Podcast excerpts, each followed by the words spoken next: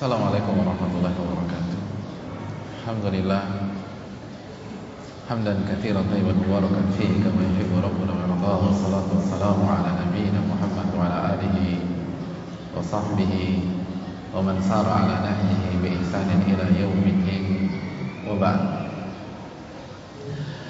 Hadirin yang dirahmati oleh Allah Subhanahu wa taala Pelajaran yang ketiga yang diajarkan oleh para ulama kita dalam masalah ilmu dan dalam menuntut ilmu agama adalah bersungguh-sungguh dan melakukan perjalanan dalam menuntut ilmu yang kita cintai ini. Kalau kita melihat bagaimana perjalanan para ulama dalam mengkaji, dalam membaca, dalam menelaah, maka kita akan mendapatkan betapa semangatnya mereka dalam menuntut ilmu agama.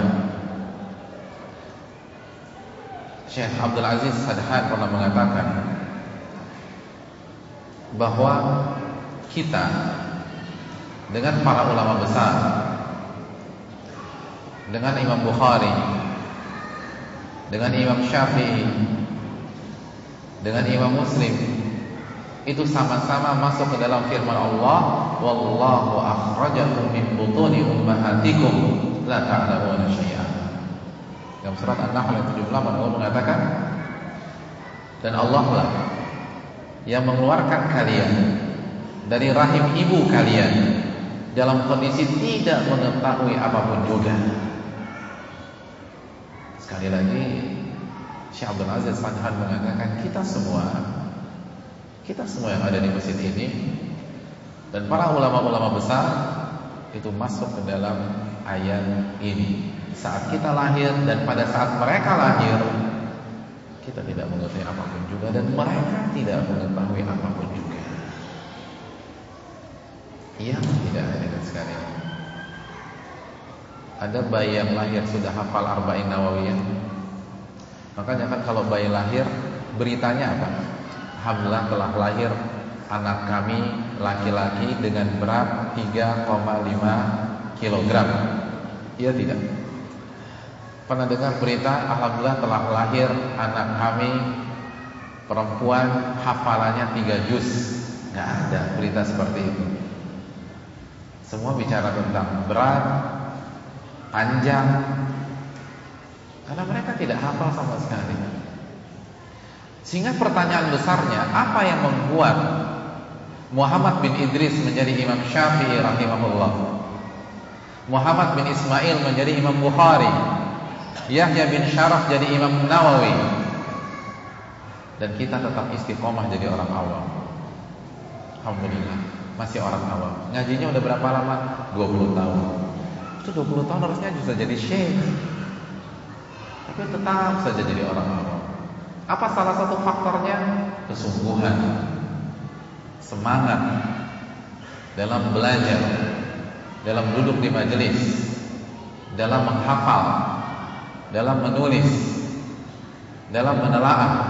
Ini yang membedakan Salah satu faktor yang membedakan Selain keikhlasan Selain kehadiran hati kita Adalah semangat kita dalam menuntut ilmu agama. Nabi SAW bersabda dalam hadis yang dikeluarkan oleh beberapa para a'immah di antaranya Al-Imam Baihaqi dalam Syu'abil Iman man humani la yashba'an. Ada dua kelompok orang yang tidak pernah merasa kenyang yang selalu rakus tidak pernah merasa cukup. Siapa mereka? Yang pertama kata Nabi kita sallallahu alaihi wasallam manhumun fil ilmi la yashba' wa manhumun Yang pertama penuntut ilmu dia tidak akan pernah puas. Dan yang kedua pencari dunia dia tidak akan pernah puas. Pernah mendengar milioner pensiun dini apa tidak? Pak, kenapa pensiun? Harta saya sudah 50 M. Tidak ada. Nabi mengatakan, "Lau kana lil insani wadin min dhahabin labtagha ilahi lahu thaniya."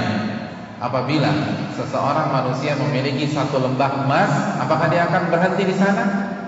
Apakah dia akan pensiun di sana? tidaklah bertakwa ilahi lahu thaniya. Maka dia akan mencari lembah emas yang kedua. Dan apabila dia memiliki lembah emas yang kedua, dia ketemu lagi lembah itu. Apakah dia akan berhenti? Tidaklah bertakwa ilahi lahu thalitha. Dia akan mencari lembah emas yang ketiga. Lalu Nabi menutup hadis ini dengan mengatakan wala yamla'u jawfa bani Adam illa turab. Dan tidak ada yang bisa menutup membuat kenyang memenuhi isi perut anak manusia kecuali tanah kecuali ketika dia dikubur pada saat itulah hasratnya kepada dunia tidak ada lagi jadi sebagaimana para pencari dunia semangat dalam mencari bongkahan emas semangat dalam menambah pundi-pundi rekening mereka penuntut ilmu juga harus semangat dalam mencari ilmu karena disamakan oleh Nabi kita Shallallahu Alaihi Wasallam disamakan. Ada dua kelompok yang senantiasa rakus, tidak pernah kenyang, tidak pernah cukup, maunya tambah, tambah dan tambah lagi, penuntut ilmu dan mencari dunia. Oleh karena itu hadirin yang dirahmati oleh Allah Subhanahu wa taala, sebagian para ulama mengatakan marilah kita lihat bagaimana semangat kita dalam mencari ilmu dan bandingkan dengan para pencari dunia. Jadi kalau antum ingin tahu, saya ini udah pantas belum sih dikatakan penuntut ilmu? Coba bandingkan dengan teman kita yang sibuk dengan dunianya. Bandingkan dengan teman kita yang workaholic, yang kerjanya tuh luar biasa. Yang kerja 8 jam, lalu lembur 3 jam atau 4 jam, yang pulang jam 11, yang pulang jam 12 malam, sibuk mencari harta. Perhatikan bagaimana sikap kita hadirin yang dirahmati oleh Allah. Karena sekali lagi penuntut ilmu, dia harus punya hasrat yang besar dalam menuntut ilmu agama dan ini yang terjadi di tengah-tengah para ulama mereka sangat semangat makanya al-imam asy-syafi'i rahimahullahu taala pernah ditanya bagaimana semangat engkau dalam mencari ilmu seperti apa sih hasratmu ini disampaikan juga oleh Al-Hafidh Ibnu Hajar dalam Tawali Ta'sis biografi dari Al-Imam Syafi'i rahimahullahu taala. Apa jawab Imam Syafi'i rahimahullah?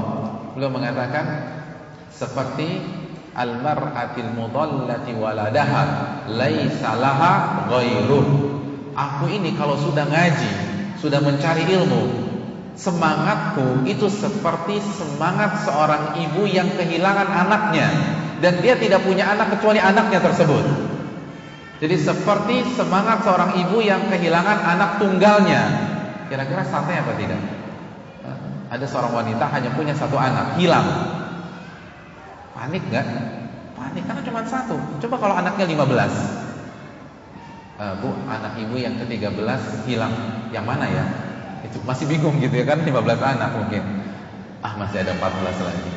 Pak, mungkin tidak seperti itu kali ya, tapi paling tidak ada perbedaan hasrat ketika seseorang kehilangan satu-satunya anak yang dia punya dia akan mencari, dia akan mencari, dia akan mencari dan dia tidak akan kena lelah. Begitu juga semangat Al-Imam Asy-Syafi'i rahimahullah.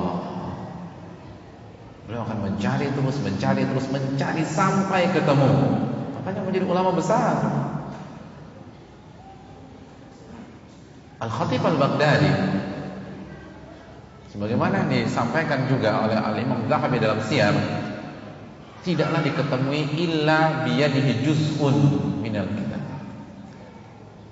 Kalau ketemu Al-Khatib Al-Baghdadi pasti di dia sedang memegang sebuah buku. Beliau baca. Diketemu Khatib jangan sangat jarang bertemu dengan Khatib Baghdadi, beliau tangan kosong, jarang. Pasti bawa buku, baca. Menelaah.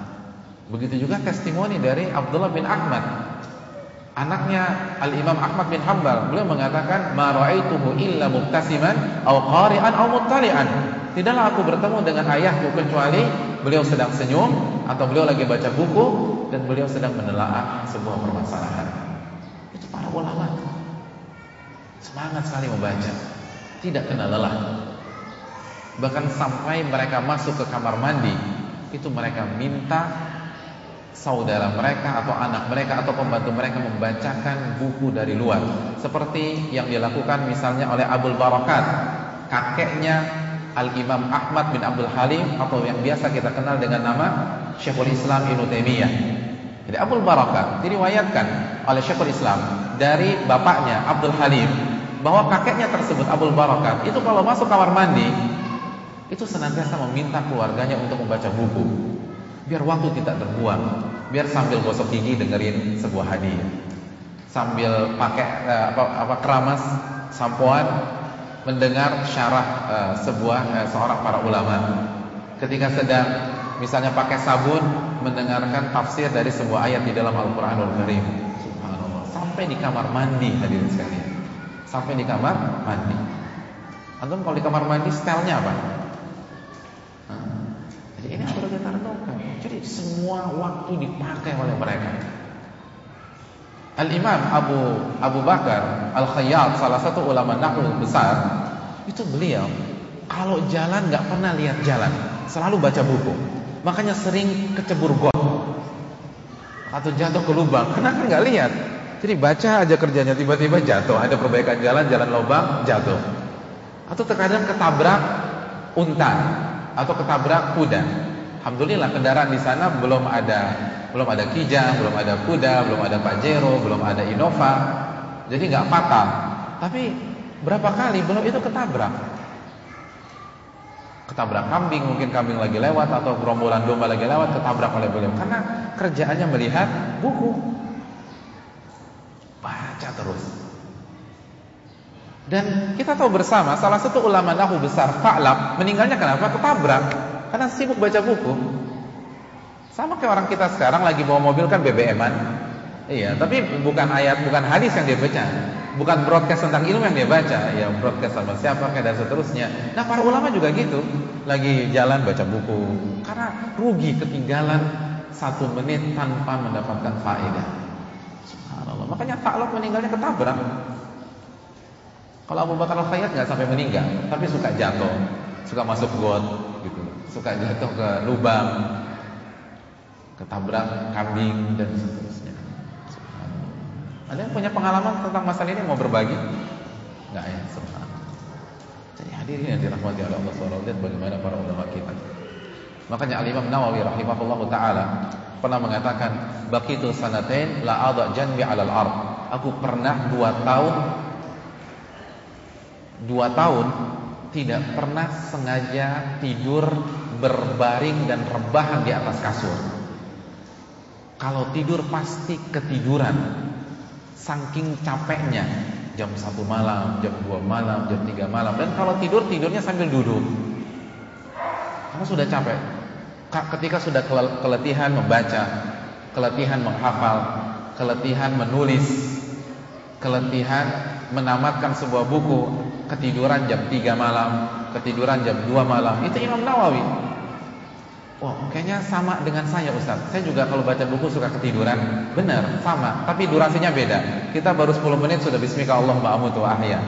Jadi Imam Nawawi itu ketiduran jam 2 malam, jam setengah 3. Bukan seperti kita. Jadi dua tahun tidak pernah sengaja rebahan di atas kasur. Coba antum bayangkan hidup macam apa seperti itu. Dua tahun antum nggak pernah sengaja baring berbaring dan rebahan di atas kasur. Kalau tidur selalu ketiduran dan dalam kondisi duduk, dalam kondisi terkantuk-kantuk. Sama kayak kita di majelis ilmu begitu loh, atau khutbah Jumat kan begitu. Tapi Imam Nawawi dan kita tahu bersama Imam Nawawi kajiannya sehari berapa? 12 mata pelajaran. 12 12 mata pelajaran atau 12 kajian setiap hari. Itu belum waktu mengulang pelajarannya, menghafalnya, mengcross check lagi e, catatannya. Subhanallah. Makanya jadi ulama besar. Makanya walaupun meninggal di usia 45 tahun, tapi karya-karyanya luar biasa. Beliau menulis Al-Adkar, beliau menulis Riyadhus Shalihin, beliau menulis Al-Minhaj, beliau menulis Rawdatul Talibin.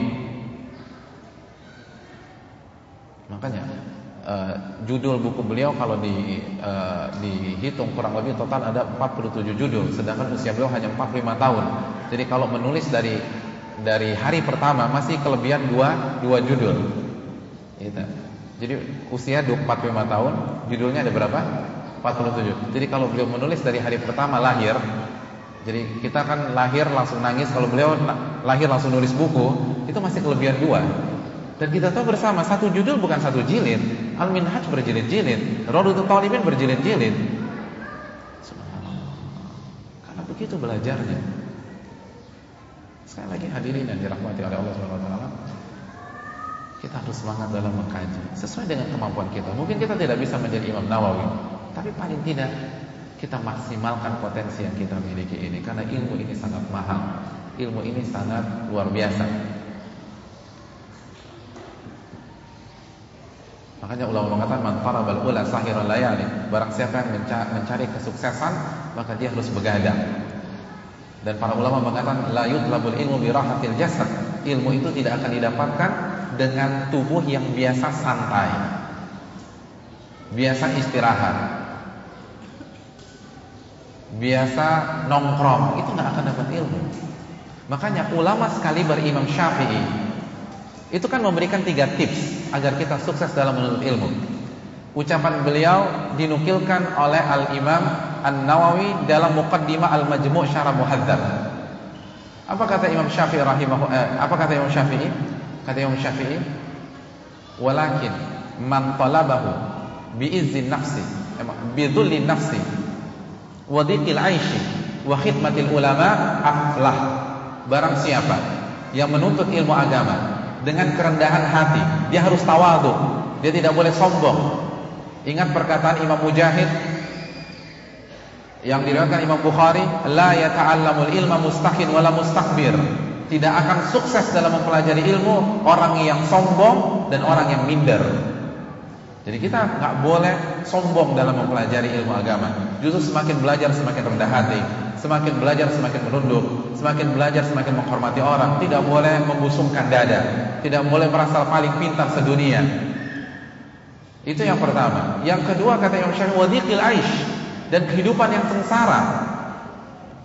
Jadi kita harus sengsara, harus capek, harus tahan ngantuk. Bukan berarti harus miskin, tidak. Bisa jadi dia kaya, tapi saking sibuknya dia baca, saking sibuknya dia belajar, saking sibuknya dia menulis, dia tidak menikmati fasilitas yang dia punya. Jadi seolah-olah hidupnya apa? Sengsara, seolah-olah. Mungkin dia punya mobil, tapi dia tidak pernah menggunakan mobilnya untuk jalan-jalan mengitari Yogyakarta misalnya. Kenapa? Karena sibuk kajian, sibuk hafalin Quran. Dia mungkin dia dia dapat tiket promo untuk menginap di hotel bintang 5 di Jogja, tapi dia tidak lakukan. Dia tidak ambil tiket promo tersebut. Kenapa? Karena sibuk ngaji. Jadi kata Imam Syafi'i, Anda tidak akan bisa sukses kalau Anda tidak berusaha semaksimal mungkin seolah-olah hidup Anda sengsara. Ini Imam Syafi'i rahimahullah. Ulama yang cerdasnya luar biasa. Masih mengatakan Anda harus berjuang anda harus baca, Anda harus datang ke pengajian, Anda harus menghafal, Anda harus istiqomah. Ini Imam Syafi'i yang otaknya luar biasa. Sampai-sampai diriwayatkan beliau kalau membaca sebuah buku, membaca halaman pertama maka kedua tangannya menutup halaman kedua. Jadi kalau kita buka buku, kita baca halaman pertama, itu tangan belum nutup ke halaman kedua. Kenapa demikian? Apakah ada sunnahnya Ustaz? Apakah ada ritual khusus? Tidak ada. Kenapa beliau lakukan demikian? Karena khawatir. Khawatir terbaca. Karena kalau kita baca buku, kita kan suka curi-curi pandang ke halaman yang lain, iya enggak? Pernah baca buku enggak? Jadi kalau kita baca buku, itu mata kita suka mencuri-curi pandang ke halaman yang lain. Jadi khawatir terbaca. Kalau terbaca, terhafal. Dan kalau terhafal, hafalannya berantakan di sini. Yang harusnya kalimat tersebut ada di halaman pertama, eh, ada di halaman kedua, jadi masuk ke halaman pertama. Jelas ini? Ya kan? kan harusnya di halaman kedua, tetapi karena terbaca masuknya ke kelompok halaman pertama. Jadi berantakan. Jadi sekali baca hafal, sekali baca hafal. Padahal nggak niat. Kita udah niat setengah mati nggak hafal-hafal lalu nggak bersungguh-sungguh, ini sosok sekali baca terhafal. Masih meminta kita untuk sungguh-sungguh. Kita kalau baca buku bukan terhafal, tertidur, tapi nggak pernah berusaha. Jadi hadirin yang dirahmati, berusaha ini penting. Baca. Mumpung kita masih muda, kita diberikan umur oleh Allah Subhanahu wa taala dan tidak ada kata terlambat. Tidak ada kata terlambat.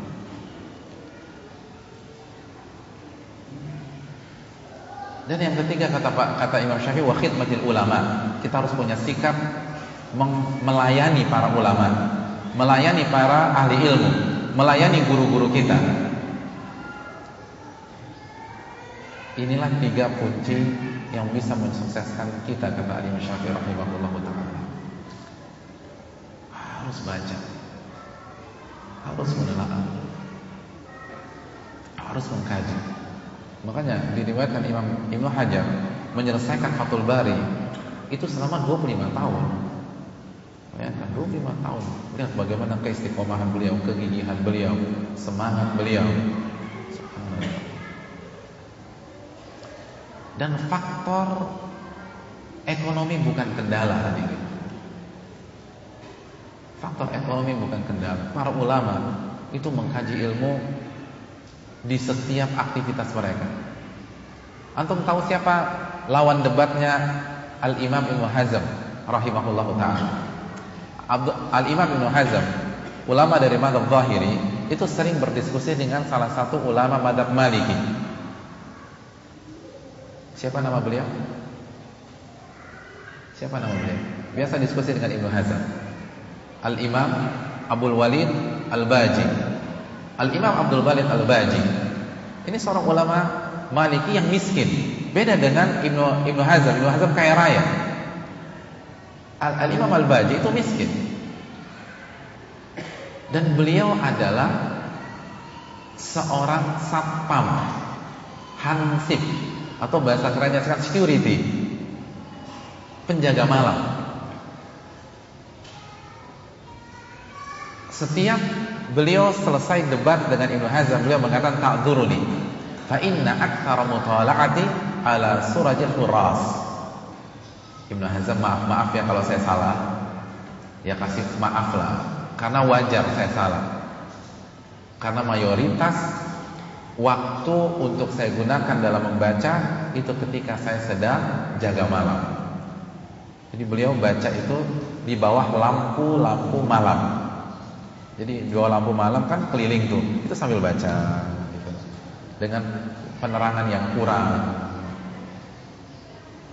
Jadi bukan berarti harus tafaruk tidak. Ini beliau membuktikan sambil bekerja baca. Sambil keliling baca. Jadi ini penting. Jadi walaupun kita pekerjaan kita satpam sambil ronda hafalin Quran kan bisa. Dan banyak waktu luang. Maka lakukan, lakukan dan lakukan.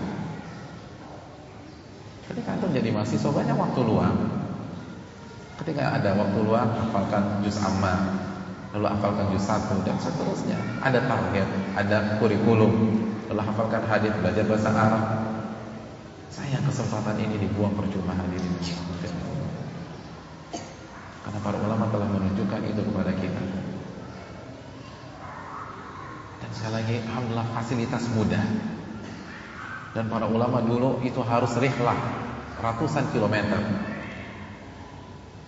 Jabir bin Abdullah harus menempuh perjalanan satu bulan untuk mendengar sebuah hadis yusyarun nasu yaumal qiyamati hufatan ulatan gurlan gumma pada hari kiamat nanti manusia akan dibangkitkan dan dikumpulkan dalam kondisi telanjang bulan, tidak memakai alas kaki, tanpa dikhitan dan tidak mau membekal sama sekali.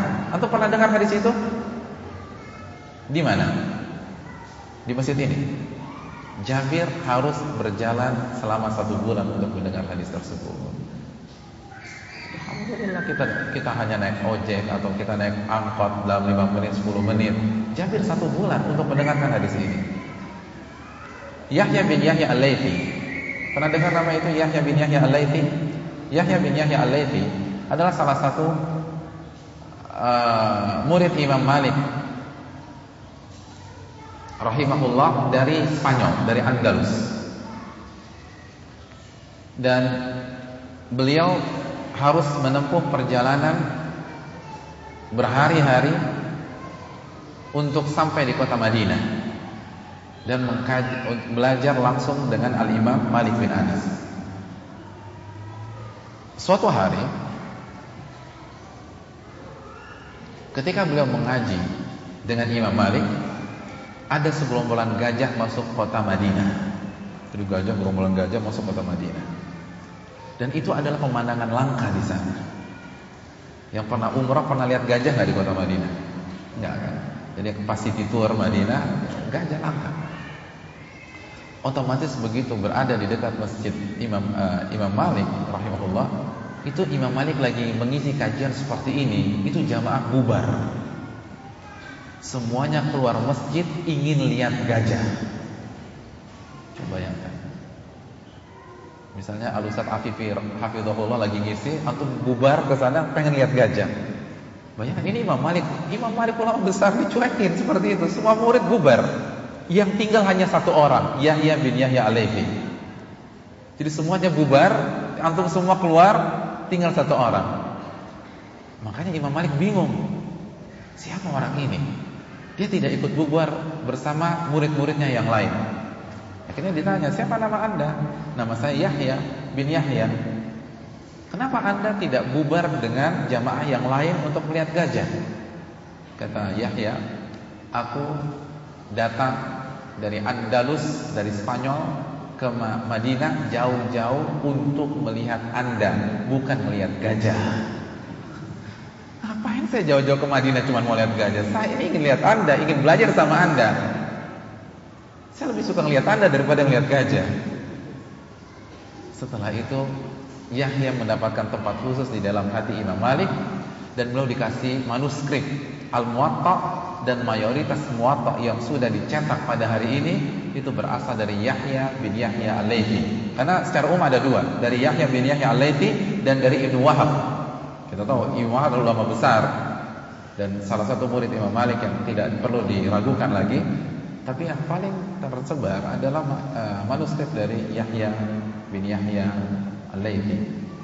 Oleh karena itu hadirin yang dirahmati oleh Allah, hendaknya kita benar-benar bersungguh-sungguh dan tidak ada kata terlambat. Sebagian para ulama itu mulai belajar setelah mereka berumur.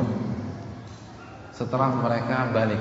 Jadi banyak para ulama enggak tidak mengenyam pendidikan di TPA. Tidak mengenyam di pendidik, eh, pendidikan di ibtidaiyah. Tidak mengenyam pendidikan di sanawiyah. Jadi jangan berputus asa. Jangan berputus asa. Saya ingin bertanya, Abu Bakar As-Siddiq mulai belajar agama Islam itu usia berapa? Usia kurang lebih 38 tahun. Kan usianya terpaut 2 tahun. Kalau Nabi diutus sebagai seorang Rasul usia 40, maka beliau 38 tahun. Atau usia sekarang berapa? Hah? 37. Ya kan tinggal satu, bedanya satu. Artinya belum ada belum ada kata terlambat. Begitu juga misalnya Fudel bin Iyad. Kita tahu Fudel bin Iyad sebelumnya adalah perampok ulung, perampok besar. Lalu bertobat dan mengkaji, mempelajari ilmu agama dan jadi ulama. Begitu juga dengan Al-Iz bin Abdus Salam. Al-Iz bin Abdus Salam salah satu ulama usul fikih yang kuat dari madhab syafi'i itu belajarnya itu setelah dewasa. Jadi terlambat, tapi dengan kegigihan, dengan semangat 45 mereka bisa mengejar ketinggalan. Begitu kan kan Ibnu Hazm. Ibnu Hazm itu mulai belajar ketika sudah berumur, sudah dewasa, bukan dari awal tertata rapi.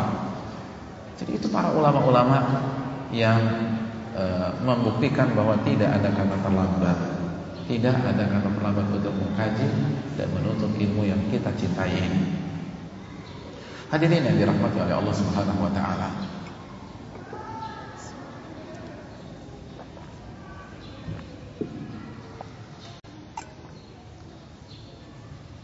Sebagian orang mengatakan bahwa kenikmatan akan kita rasakan pada saat kita sukses. Maka bertahanlah ketika kita belajar. Bertahanlah ketika kita merintis. Bertahanlah ketika kita menuntut ilmu agama. Karena Anda akan merasakan kelezatan pada saat Anda sukses nanti. Pernah dengar statement yang kurang lebih sama dengan hal di atas? Tapi camkanlah hadirin sekalian. Bagi orang-orang Yang utama Bagi para pencinta Pencinta Allah Dan pencinta Nabi SAW Maka kaidah ini tidak berlaku. Bagi seorang pencinta Dia akan merasakan kelezatan dan kenikmatan Saat dia Menjalani sebuah proses. Pada saat dia belajar pada saat dia menghafal, pada saat dia menulis, pada saat dia membaca. Dia bisa merubah sebuah beban menjadi sebuah kenikmatan. Makanya nazar pernah mengatakan lan tajida ladzatal ilmi hatta tajua wa nasita annaka ja'i'a engkau tidak akan merasakan kelezatan ilmu sampai engkau lapar. Dan engkau lupa bahwa engkau sedang lapar saking nikmatnya. Sama seperti orang yang hobi bola. Atau hobi bola enggak? tidak. Tidak salah lagi maksudnya. Ketika seseorang hobi bola dia bisa nonton bola dalam kondisi perut lapar dan dia lupa dia belum makan. Iya apa tidak Apalagi kalau partai-partai final. Walaupun perutnya keroncongan, tapi ketika melihat operan-operan pendek yang bagus, lalu umpan-umpan lambung yang tepat, permainan yang cantik, dia lupa bahwa dia belum makan. Ya, kenapa? Karena menikmati proses pertandingan sepak bola tersebut.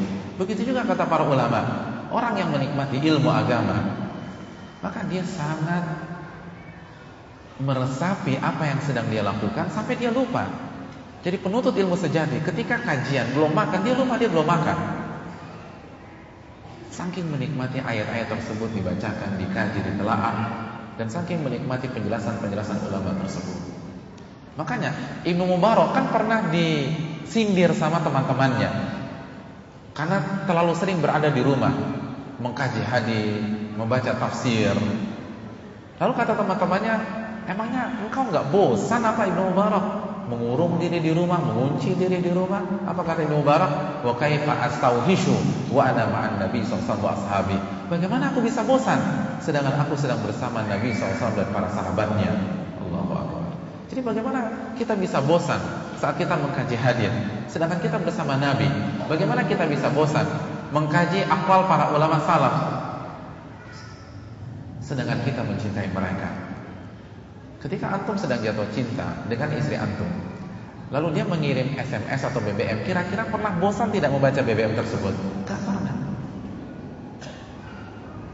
Gak pernah bosan. Karena kita sedang jatuh cinta kepada dia.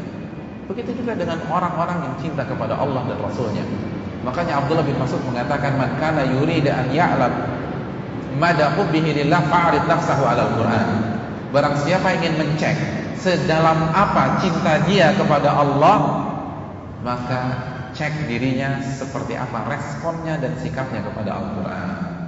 Karena orang yang jatuh cinta tidak mungkin akan menyia-nyiakan menyia-nyiakan surat dari kekasihnya.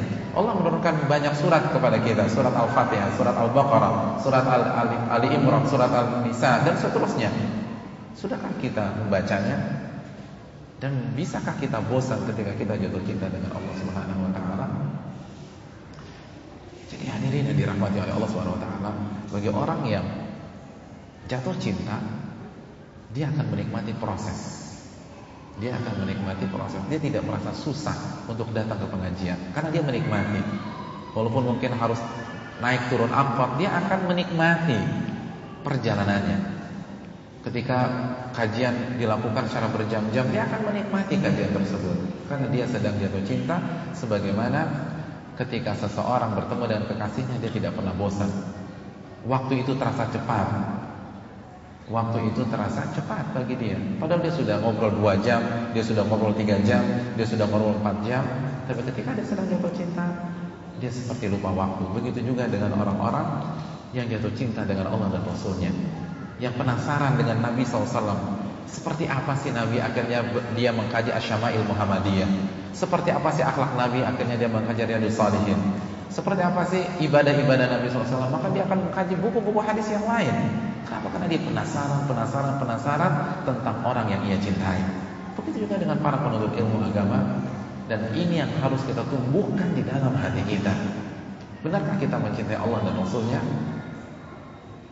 Atau semua hanya sekedar ritual belaka oleh karena itu hadirin yang dirahmati oleh Allah Subhanahu wa taala. Nikmati hal ini. Kalau kita sudah cinta kepada Allah dan Rasulnya Semua jerih payah kita tidak kita rasakan Makanya slogan orang-orang yang jatuh cinta itu apa? Khususnya di tahun 80-an, 90-an ya Gunung pun akan kudaki Samudra akan aku arungi Masih nggak sih? Udah enggak ya, udah bukan zamannya ya Tapi paling tidak Slogan-slogan seperti kan menunjukkan bahwa orang yang jatuh cinta itu nggak peduli apa yang ada di hadapannya, tidak peduli aral dan tantangannya, karena dia akan lewati semuanya. Ya, karena itu hadirin yang dirahmati oleh Allah Subhanahu Wa Taala, bersungguh-sungguhnya dalam menuntut ilmu agama dan nikmati setiap ayat yang kita dengar atau setiap hadis yang disampaikan di hadapan kita. Mungkin ini saja bisa disampaikan pada kesempatan kali ini karena keterbatasan waktu dan keterbatasan ilmu bagi uh, yang dimiliki oleh pembicara kita buka sesi tanya jawab. Wassalamualaikum warahmatullahi wabarakatuh